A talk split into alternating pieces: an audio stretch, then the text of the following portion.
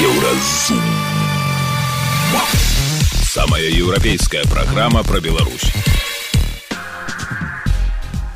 Вітаю, гэта праграма Еўразум. І самыя важныя падзеі сэнсы аўторка 30 студзеня. Куды беларусам лепш не ездзіць? Пачнем з тых краінаў, удзе бяспечна. Гэта еўрапейскі саюз, гэта злучаныя штаты Амерыкі, Канада, Аўстралія, Новая Зеландыя. Магчыма, яшчэ некалькі такіх краінаў, як Сінгапур або там некалькі яшчэ краін лацінскай Амерыкі з малінавым варэннем. Як мяняюць рацыён салдат якія не працуюць с плутоніем. Как-нибудь за уши можно притянуть к э, снижению оксидативного стресса. Это наверное свежие фрукты и варенье из них У Беларусі ікра таннее, а памідоры даражэюць. Чаму так адбываецца? Першы самы галоўны ён не толькі вось гэтых цэнаў тычыцца гародніных звязаных, гэта цэнавае рэгуляванне. Пра гэта ды іншае больш падрабязна цягам бліжэйшай гадзіны. Еўразум. Беларусь у еўрапейскім фокусе. Сітуацыя з гуртом B2, які затрымалі ў Тайландзе нібыта за нелегальны канцэрт, прыцягнула ўвагу многіх беларусаў. І не толькі таму, што абодва ягоныя франтмены Шура і Лёва родам з бабруйску і мінску. А таму што Шура і Лёва адкрыта выступілі супраць вайны. І расійскія ўлады, маючы кантакты ў пэўных краінах, могуць уплываць праз іх на сваіх палітычна ненадзейных грамадзян. Як уласна і беларускі рэжым, А мы ведаем гісторыі, як беларусаў затрымлівалі, напрыклад, у Арменіі праз запад мінска. Дык у якія краіны беларусам лепш не ехаць, асабліва калі існуе пагрозы іх пераследу з боку лукашэнкаўскіх спецслужб і ці можна схавацца ад пераследу ў рассіі. Пра гэта ды іншае наш рэдактар зміцер лукашук пагутарыў з адвакатам кіраўніком адвакацкага бюро legal статус алесем михалевичам небяспечна ехаць у любую краіну дзе слабая прававая сістэма дзе закон не працуе і дзе няма дэмакратыі даруйце за такую абсалютна звычайную паралель. І хочу нагадаць что у бі2 гаворка вядзецца пра дэпартацыю але гэтая дэпартацыя де-факта можа быць экстрадыцыяй. Экстрадыцыя гэта калі па запыце канкрэтнай краіны а дэпартацыя это калі просто куды заўгодна так? Але як бы вельмі часта на жаль выкарыстоўваецца такі метад каб просто быццам бы дэпартавалі людзей напрыклад у тую самую Росію а ў рассіі іх арыштоўваюць і яны ўжо ідуць по крымінальнай справе так? Таму такія краіны безумоўна ёсць. Я думаю что просто пачнем з тых краінаў удзе бяспечна. Гэта еўрапейскі саюз гэта э, злучаныя штаты Амерыкі Канада Аўстралія по э, Аўстралія новая Зеландыя.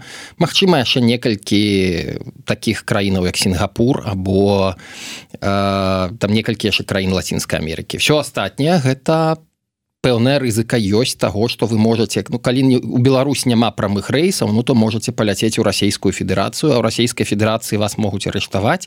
Ну і адтуль уже вы спакойненько поедете ў Беларусь калі канешне у вас ёсць крымінальная справа. А, давай можа быть тады больш конкретно тому что я а, чытаў абмеркаванне у расійскіх чатах вось гэтай сітуацыі.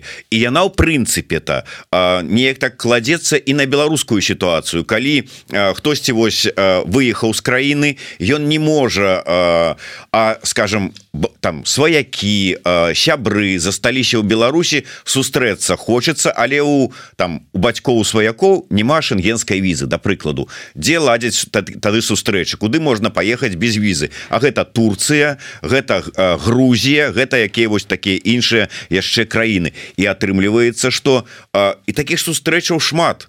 Мы вот ведаем ладзіла ладзілі людзі і ладзяць небяспечна? Нешта небяспечна нешта бяспечна. Я бы раю напрыклад такія сустрэчы праводзіць на паўночным э, непрызнаным турэцка акупаваным кіпры паўночны кіпр. А, туды можна даляцець праз нейтральную зону аэрапорта у Турцыі але тады няма няма пагранічнага памежнага контроля ў Турцыі і чалавек просто пролятае по пролятае транзітам таксама я бы раю такое рабіць ну напрыклад в албаніі бо з албаніі чалавеку Беларусь экстрадаваны не будзе албанія дастаткова бяспечная краіна ну вот ужо некалькі варыянтаў у нас з вами ёсць калі няма іншых варыянтаў Грузія не найгоршы варыянт бо яна хаця бы не падтрымлівае так званую базу снд бо напрыклад азербайджан і армения для беларусаў ёсць небяспечнымі краінамі тому что аўтаматычна беларусы тут калі падаюць іх у вышук у беларусі як правіла яны трапляюць у гэту расійскую базу так званую базу снд якую вядзе міністэрства ўнутраных спраў расійскай федерацыі і все в армении у азербайджане у сярэдняй азіі у тым же казахстане. Де-факта это можна параўнаць у чымсьці з прыездам у расійскую федерацыю атрымліваецца умоўна кажучы гэта краіны сябры АДКБ ці там еўразэс вот вот гэтыя такія супольнасці якія ўваходят у іх такая супольная база ёсць. У іх супольная база гэтую базу это рэшткі баз ну то она называется база СНД і вядзе яе міністэрства унутраных спраў расійскай Федерацыі адпаведна беларусам туды падаць такога чалавека гэта на раз два это вельмі вельмі лёгка гэта робіцца на расійскай мове это нікуды ім не трэба не трэба нічога перакладаць. Але дарэчы наконт расійскай мовы напрыклад Малдова якая фарма фармальна гэту базу падтрымлівае але сваю базу вядзе лацінскімі літарамі. Тэарэтычна як бы гэтай базай СНД карыстаецца але ў практыцы ніколі нікога не затрымлівала тому что самі афармляюць чалавека лацінскімі літарамі а ў базе СНД нават няма дубляжа э, таго як чалавек пішецца лацінскімі літарамі. Таму як бы э, так э, былыя гэтыя СНДшныя ці актуальныя СНДшныя краіны яны забаронены на мой погляд для прыезда для наведвання А что рабіць Ну вот э, так атрымалася что ты апынуўся Ну подумаў что бяспечная ўсё ж таки краіна больш-менш дэмакратычная Ну возьмем Армению.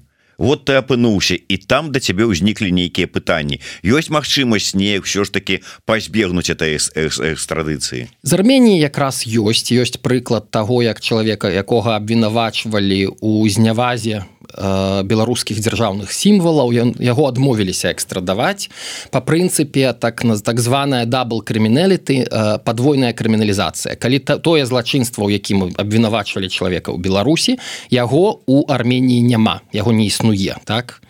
Як бы э, таму як бы нейкія шансы безумоўна ёсць. Таксама трэба памятаць что армения зараз вельмі незадаволена як і Росіяй так і беларусю. Яны прайгралі вайну якую ідзе Росія іх по іх меркаванню цалкам здала таму нейкія шансы будуць так на тое каб выйграць справу. Але ці хочаце вы высвятляць ці вы яе выйграеце ці все ж таки прайграеце я бы гэтага не раіў таму что з вялікай доляй верагоднасці ім будзе лягчэй вас экстрадаваць у Беларусь чым мне. а Працягваем размову за Алесем Михалевичам. Давай можа быть вернемся яшчэ да тэмы с пашпартамі. Сітуацыя прынятая лукашэнкаўскім рэжымам хочаш змяняць пашпарт едь у Беларусі там мяняй і безумоўна шмат у каго такой магчымасці няма. Што вось вы асабіста вот можа быть со свайго досведу параілі б людзям рабіць у такой сітуацыі. Я бы раю па-першае, калі ёсць магчымасці вы знаходзіцеся у дэмакратычнай краіне атрымліваць статус бежанца нават калі у вас ёсць нейкі іншы від на жыхарства па іншай падставе А другое калі у вас ёсць магчымасць атрымліваць тревел документ Ну бо уявім сабе гэтую сітуацыю з бі2 і з Таиландам калі у вас адзіны пашпарт які ёсць гэта беларускі А у наколькі я разумею у бі2 у іх бы былі ізраильскія пашпарты па меншай меры так? Mm -hmm. там хаця б можна размаўляць пра прамы рэйс у Ізраиль так? Не прамы рэйс у Росію прамы рэйс у Ізраиль дэпартацыя як правіла робіцца в тую краіну в краіну вашага грамадзянства грамадзянства або у тую краіну якая найбліжэй да краіны вашага грамадзянства. Абсалютна лагічна ў дадзеным выпадку будзе дэпартацыя ў расійскую федэрацыю. Таму калі ёсць магчымасць э, не паказваць ваш беларускі пашпарт не паказвайце яго. Едьце лепш на трэвел дакуменце бежанца на польскім трэвел дакуменце літоўскім на нейкай іншай краіны ў развяза больш нейкіх іншых варыянтаў я не запрапаную бо іх лёгкіх таких варыянтаў няма. Можна спрабаваць атрымліваць грамадзянства нейкай іншай краіны. Яны звычайна все вельмі дарагія і не вырашаюць всех праблем Таму як бы я бы перш за ўсё раіў перамяшчацца ў правільную нармальную краіну з нармальнай прававой сістэмай. Гэта перш за ўсё еўрапейскі саюз плюс злучаныя штаты Канада Аўстралія. Алесь але трэвел документ я апошнім часам э, чытаю такія навіны что э, ну ён зараз пашыраецца. Але шмат дзе нават у еўрапейскіх краінах асабліва ну калі там звычайныя там супрацоўнікі паме там э, та самая памежнай службы там в аэрапортах яны першы раз бачуць гэты документ нават калі ён выдадзены трэвел документ ЗША вот мне рассказывали такую гісторыю. Чалавек беларус атрымаў тревел документ э, штатаўскі прыляцеў по ім у Германію і там зрабілі вот такія вочы. Что вы мне тут подсоўваеце такое? Наколькі гэта распаўсюджаная сітуацыя? Наколькі тревел документ все ж таки гэта документ э, якім можна карыстацца? Это вельмі распаўсюджаная сітуацыя. Калі яшчэ тревел документ бежанца неяк пагранічнікамі ідэнтыфікуецца то просто звычайны тревел документ вельмі часто выклікае ў іх здзіўленне і вялікія вочы трэба таксама памятаць что гэты тревел документ не пацвярджае ваше беларускае грамадзянство таму калі вы ляціце ў турцыю без візы в турцыю вас не пусцяць так? Таму что для гэтым тревел докуменце напісана фармальна звычайна что вы грамадзянин беларусі большасць краінаў звычайна гэта піша але як бы пацверджаннем вашего грамадзянства гэта не з'яўляецца. І будуць праблемы по безумоўна праблемаў будзе вельмі шмат але мы з вами цудоўна разумеем что узамен за памяншэнне рызыкаў. Калі вы хочаце каб рызыкаў было менш ну просто трэба абмежаваць палёты в некаторыя краіны. Я упэўнены что в той жа паўночны кіпр напрыклад э, спакойна вас з любым трэвел документам пусцяць і без всялякіх праблем так? З еўрапейскім трэвел документам ці з амерыканскім.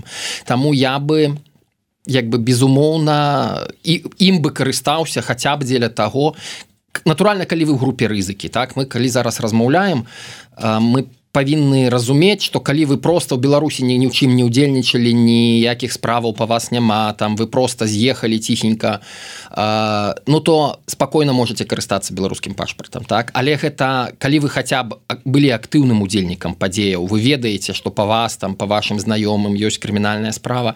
Просто абмяжуйте свае падарожжы так? Нічога з вами не здарыцца калі замест турцыі вы паляціце не ведаю па-за сезонам на в італію або на канарскія выспы так где ну, можа трошку даражэй але в десяткі ці в тысячи разоў больш бяспечна Алесь некалькі варыянтаў ўсё ж таки да цябе вот як с аднаго боку як адваката з другого боку як чалавека які сам праходзіў гэты шлях і дасвечна як людям давесці что тыя хто знаходіцца зараз вот у эміграцыі что ехаць у Беларусь будь то за новым пашпартам будь то яшчэ за чым не вельмі бяспечна. І гэта размова нават не про тых хто у двадцатым годзе быў Беларусі і можа один раз то дзе-нибудь нават не на плошчы а дзе-нибудь на дваравую сустрэчу прыйшоў і гэтага ўжо можа быть для дастаткова для затрымання ці там на одно евро донат зрабіў які-небудзь.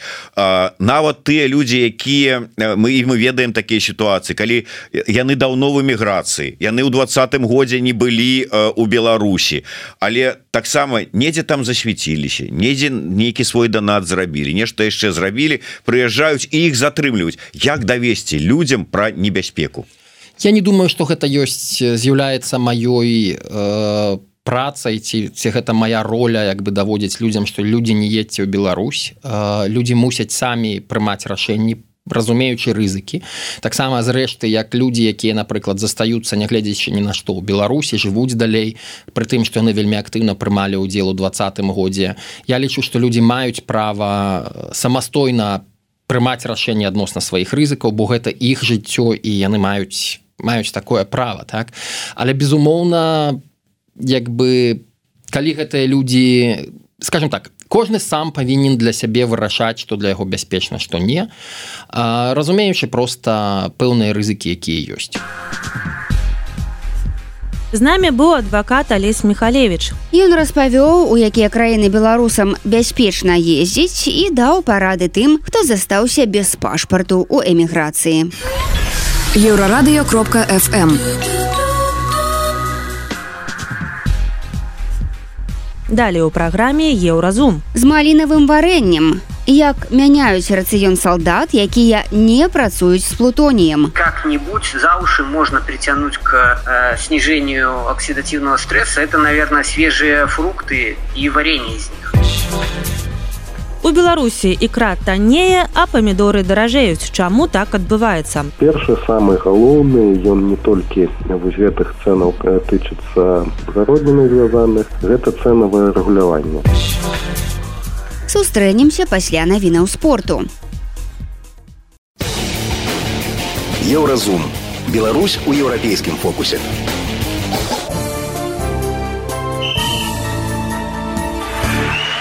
На еўрарадыё навіны спорту. Найлепшы бамбардзір гулец беларускага футбольнага чэмпіянату мінскі дынамавец уладзіслаў марозаў з'ехаў у партугалію. Ён стаў гульцом а рукі у марозава з дынама быў яшчэ дзеючы контракт але клуб з разуменнем паставіўся да жадання перспектыўнага футбаліста паспрабаваць свае сілы за мяжой пераносіцца матч за футбольны суперкубак беларусі. Чэмпіён краіны мінская дынама і ўладальнік кубка жодзінская тарпеда белаз павінны былі сустрэцца 25 лютага ў мінску. Але якраз на гэтую дату прызначаныя так званыя выбары. Цяпер плануецца што паядынак за суперкубак пройдзе другога сакавіка ў салігорску у У кубку развіцця ў мінску прымуць удзел юнацкія футбольныя зборныя беларусі азербайджана казахстана таджикістана россии і узбекістана. Турнір стартуе 18 лютага. Усе гульні пройдуць у футбольным манежы. У баскетбалістаў мінска застаўся яшчэ адзін матч на першым этапе першынства адзінай лігі втб каб паспрабаваць атрымаць першую перамогу. 3 лютага ў саратаве яны згуляюць з аўтадарам. у пакуль у менчукоў 25 паражэнняў запар. Памёр былы трэнер біятланісткі дар'і домрачавай мікалай захараў. Яму было 77 гадоў. Менавіта захараў прапанаваў домрачавай перайсці з расійскай у беларускую зборную. У яе складзе яна стала чатырохразовай алімпійскай чэмпіёнкай. Гэта былі навіны спорту. Заставайцеся на еўрарадыё.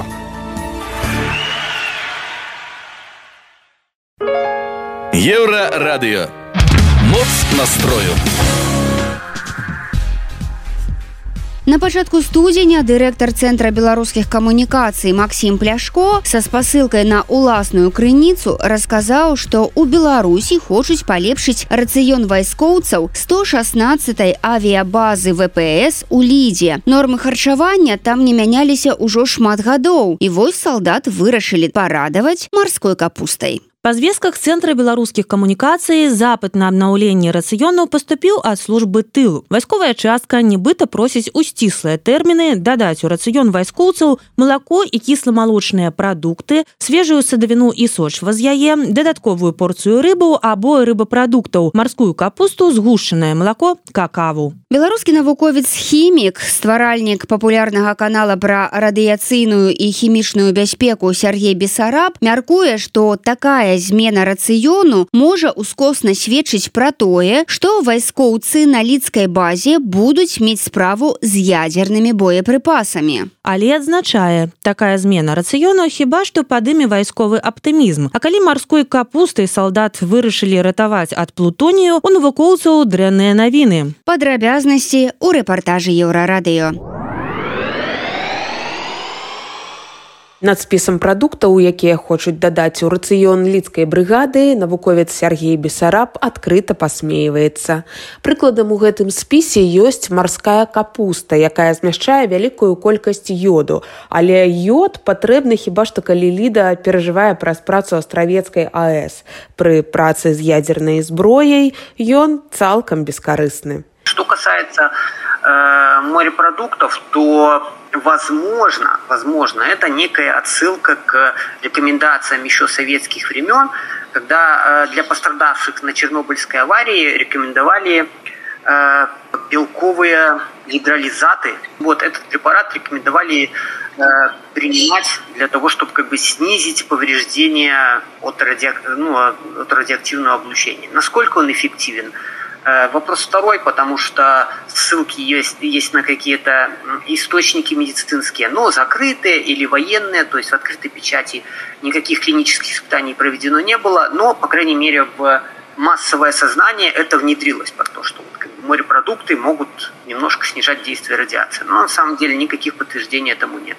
Ну, какао, какао, теобрамин, тоже прямого радиозащитного действия нету, но есть тонизирующий эффект. То есть, если, допустим, человеку плохо, э, высокие дозы теобрамина, они будут давать тонизирующий эффект, и будет казаться, что не так все плохо. Вот. Единственное, что как-нибудь за уши можно притянуть к э, снижению оксидативного стресса, это, наверное, свежие фрукты и варенье из них, то есть э, джемы. Свежие фрукты они содержат антоцианы. Антоцианы обладают э, подтвержденной, это вот важно, я тут подчеркну, что они обладают подтвержденной антиоксидантной активностью. Про это знают, наверное, дети даже сейчас. Вот. Э, поэтому, ну, фрукты, да, в этом есть смысл. У цэлым абноўлены рацыён падобны да рацыёну падводнікаў заўважае бесараб але ніякіх спецыяльных радыёабарончых або прафілактычных радыёабарончых уласцівасцяў у гэтых прадуктаў няма а ў якіх ёсць? Я бы посоветовал вместо какао ввести туда каркаде или э, вот недавно я писал в своем блоге про э, так называемый анчан или синий чай. Mm-hmm. там очень большие Э, количество антоцианов, ну вот их можно употреблять. Можно употреблять цветную капусту фиолетовую, чернику, опять же, ту же клюкву, то есть вещества, которые содержат природные вот эти антоцианы, которые обладают подтвержденной антиоксидантной активностью и таким путем пытаться снизить э, оксидативный стресс от облучения. Лучший вариант – это вообще дистанцироваться от этих объектов, ну, если есть такая возможность, отказываться от работы с ними. Если отказаться и дистанцироваться невозможно, то тогда проверять наличие, спрашивать у вышестоящего командования о наличии каких-то защитных устройств, о работоспособности этих защитных устройств, барьеров специализированных. Калі гэты аповед вас растрывожыў і вы пабеглі ў краму па каркадэ, пачакайце. Набудзьце яшчэ і дазіметр. Сергей Бесараб рэкамендуе мець яго дома кожнаму беларусу. На адрозненне ад дзяржаўных медыя гэты прыбор адразу пакажа, калі радыяцыйная абстаноўка адхілілася ад нормы. З гэтай жа мэтай можна падпісацца і на тэлеграм-канал самога бесараба. Наш суразмоўнік родам з гродзенскай вобласці і не хавае, што на кожную навіну, якая пацвярджае, што ядзерную зброю цягнуць у нашыя самыя чыстыя, найменш пацярпелыя ад радыяцыі рэгіёны, ён рэагуе вельмі эмацыйна. Ён папросту называе тое, што адбываецца святататствам. Навуковец ва ўсіх сваіх развагах сыходзіць з таго, што тактычная ядзерная зброя ў Беларусі ўжо ёсць. І на лідкім аэрадроме Па ягоным меркаванні захоўваюцца авіяцыйныя боепрыпасы для мадыфікаванага самалёта су-24М. Інфармацыйная служба еўрарадыё. Еўрарадыё. Твая улюбёная хваля. Далей у праграме еўразум. У Беларусі ікра таннее, а памідоры даражэюць. Чаму так адбываецца? Першы самы галоўны ён не толькі вось гэтых цэнаў тычыцца гародніны звязаных, гэта цэнавае рэгуляванне. Сустрэнемся пасля навінаў шоу-бізу. Еўрарадыё. Твая улюбёная хваля. Шоу-біз.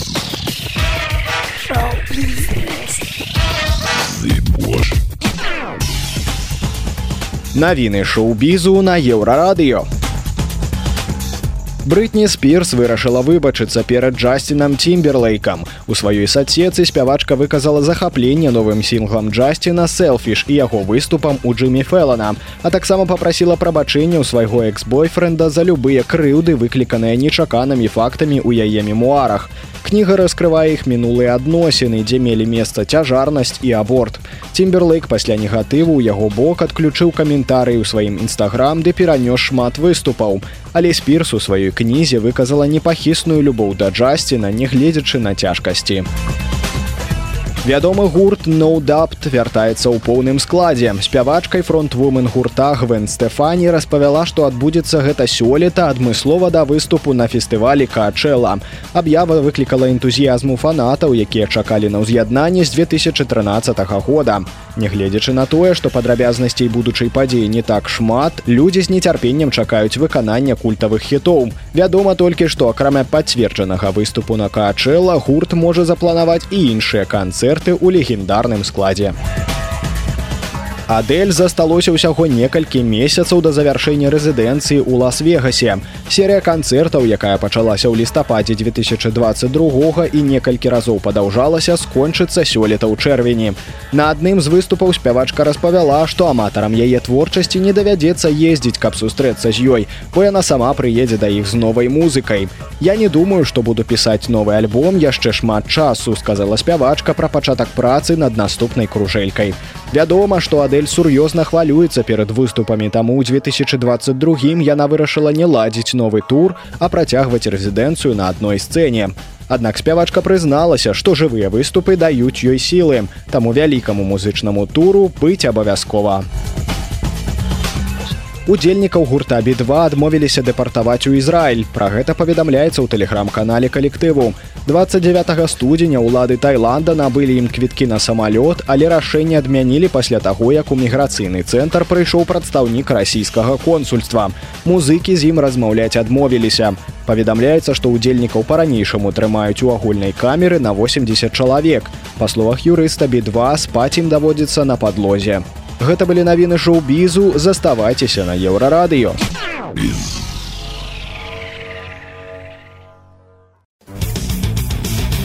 Еўразум жыві ў рытме Еўропы.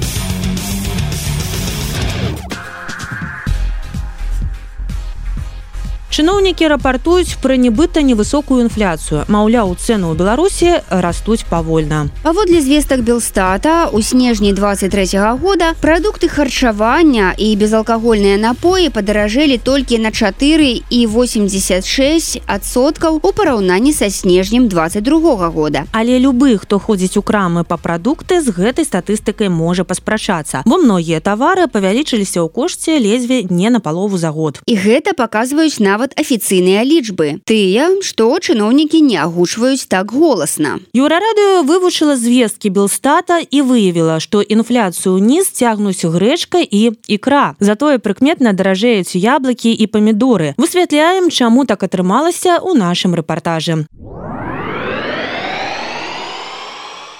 Спачатку паглядзім што патаннела. Напрыклад крыху упалі ў цане гарбата і кава. Мінус 585 і 566 адсоткаў адпаведна.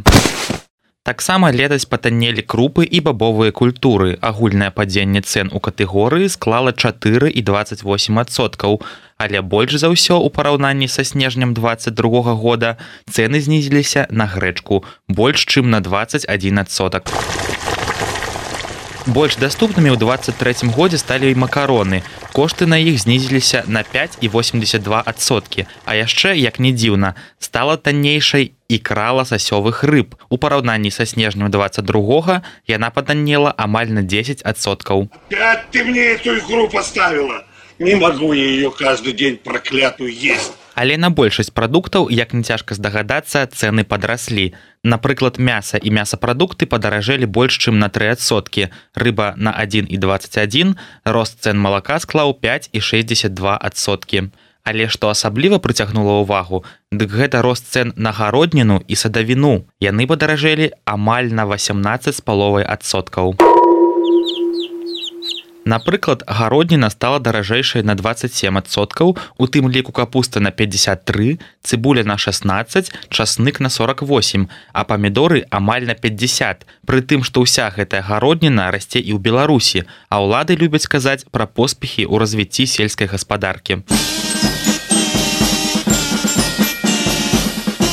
Тое ж самае тычыцца і садавіны цены на якую за год выраслі практычна на 20соткаў напрыклад яблокі падаражэлі на 28 грушы на 35 а вінаград практычна на 60 Чаму летась у беларусі так моцна выраслі кошты на садавіну і гародніну мы запыталіся ў старшага навуковага супрацоўніка эканамічнага цэнтра бюрок дмітрая крука. Круг лічыць што разглядаць сітуацыю трэба ў кантэксце больш доўгага перыяду. Гэта значыць пачынаючы з 2020 года. Калі вось больш працяглы перыяд паглядзець з 19 канца ну спачатку 20 был. Там калі такія маштабныя штокі шокі пачаліся пачынаючы з каіда і гэтак далей то тут прынцыпе калі мы глядзім завесь трохгадовы перыяд па ўсіх пагароднення пазіцыях так безумоўна быў рост але тут былі значныя рэлі і найбольш значныя амаль па ўсіх пазіцыях яны у 21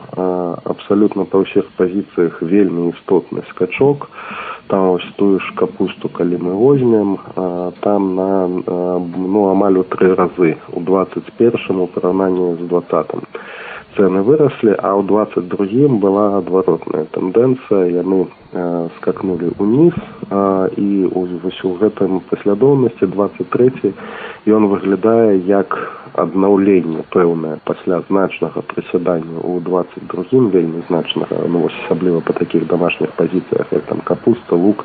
Другим яно ўсё вельмі знізілася. І таму сённяшнія цены у абсалюце калі мы глядзім у параўнанні з двадцать другим так яны значна вышэйшыя за снежань двадцать третьего до снежня двадцать другого. Але вось напрыклад калі мы параўнаем з двадцать першым то па значнай частцы пазіцыі яны ніжэйшыя. Круг вызначае чатыры фактары чаму цяпер склалася такая сітуацыя з цэнамі на прадукты ў беларусі. Першы самы галоўны ён не толькі вось гэтых цэнаў тычыцца гародніны звязаных гэта цэнавае рэгуляванне 713 постанова і там яшчэ ёсць асаблі асобная постанова для сельскай гаспадаркі вось гэтае прысяданне якое было у двадцать другім годзе э, часткова не цалкам але часткова яно тлумачыцца якраз таки цэнавым рэгуляваннем і адпаведна у двадцать третьем годзе гэта ну вось э, такі выраз эканамісты выкарыстоўваюць адскок. То бок вяртання да больш э, некага абрунтаванага ўзроўня.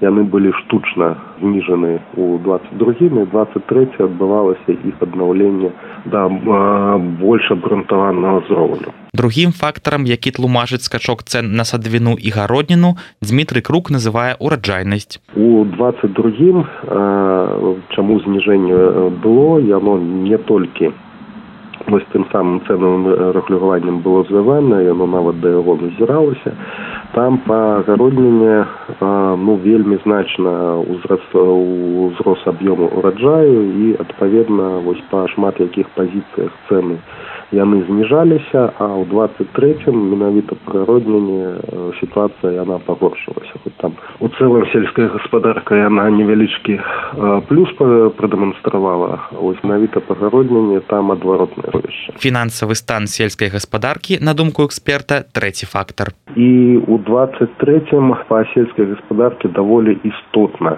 пагоршылася фінансавае становішча гэта часткова і з горшай ураджайнасцю было звязанае. Но плюс такі маштабныя механізмы які на ўсю эканоміку ўплываў двадцать третьем што заробкі яны падвышаліся таму што на рынку працы э, сітуацыя такая э, вельмі спецыфічная на фоне міграцыі а вось э, вытворчасць прадукцыю сельскай гаспадарцы яна зніжалася адпаведна фінансавы стан пакаршаўся і гэта вось вяртаемся да першага фактара гэта я думаю рабіла больш лагоднымі все магчымыя там адміністрацыйныя органы што яны пагоджвалі падвышэнне цэнаў то бок тое што ім штучна згадалі знізіць у двадцать другім у двадцать третьем больш лагодна ставіліся да да таго каб гэтыя цэны падвышаліся. І чацвёрты фактар які ў асноўным тычыцца імпартнай прадукцыі эксперт звязвае з курсам беларускага рубля.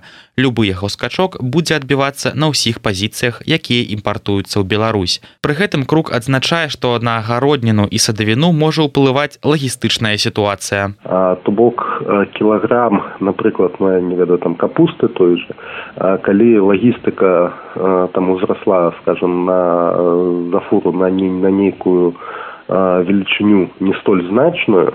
Ось калі фура там везе напрыклад айфоны ці штосьці іншае фура там капусту ці айфоны весці это выдаткі будуць адны і тыя ж раўнанні з коштам айфона вось гэта дадатковыя выдаткі якія звязаны з лагістыкай ну яны будуць вельмі вельмі такі сціплы кавалачак займаць у дачыненні да кошту а вось паколькі кошты там за кілаграм мы глядзім на э, прадукты гародніны яны адносна невялікія то вось гэтыя лагістычныя дадатковыя выдаткі яны больш значна адбіваюцца то бок там на адзінку тавара калі вось там скажем умоўны кажу что там трэба подвысіць кошт на пять копеек ну у выпадку айфона дадатковыя пять копеек ніхто не заўважыць у выпадку там капуста ці морква ці лука ну гэта будзе вельмі заўважна гэта будзе такі істотны адсуд па словах дмітрая крука у 2024 годзе цены на гародніну і садавіну будуць таксама залежыць ад гэтых фактараў інфармацыйная служба еўрарадыё Гэта была праграма Еўразум, штодзённы інфармацыйны падкаст еўрарадыё. Кожны дзень мы распавядаем вам пра самыя галоўныя навіны Беларусі і свету. А сённяшні выпуск скончаны. Беражыце сябе. Пачуемся. Еўразум. Самая европейская программа про Беларусь.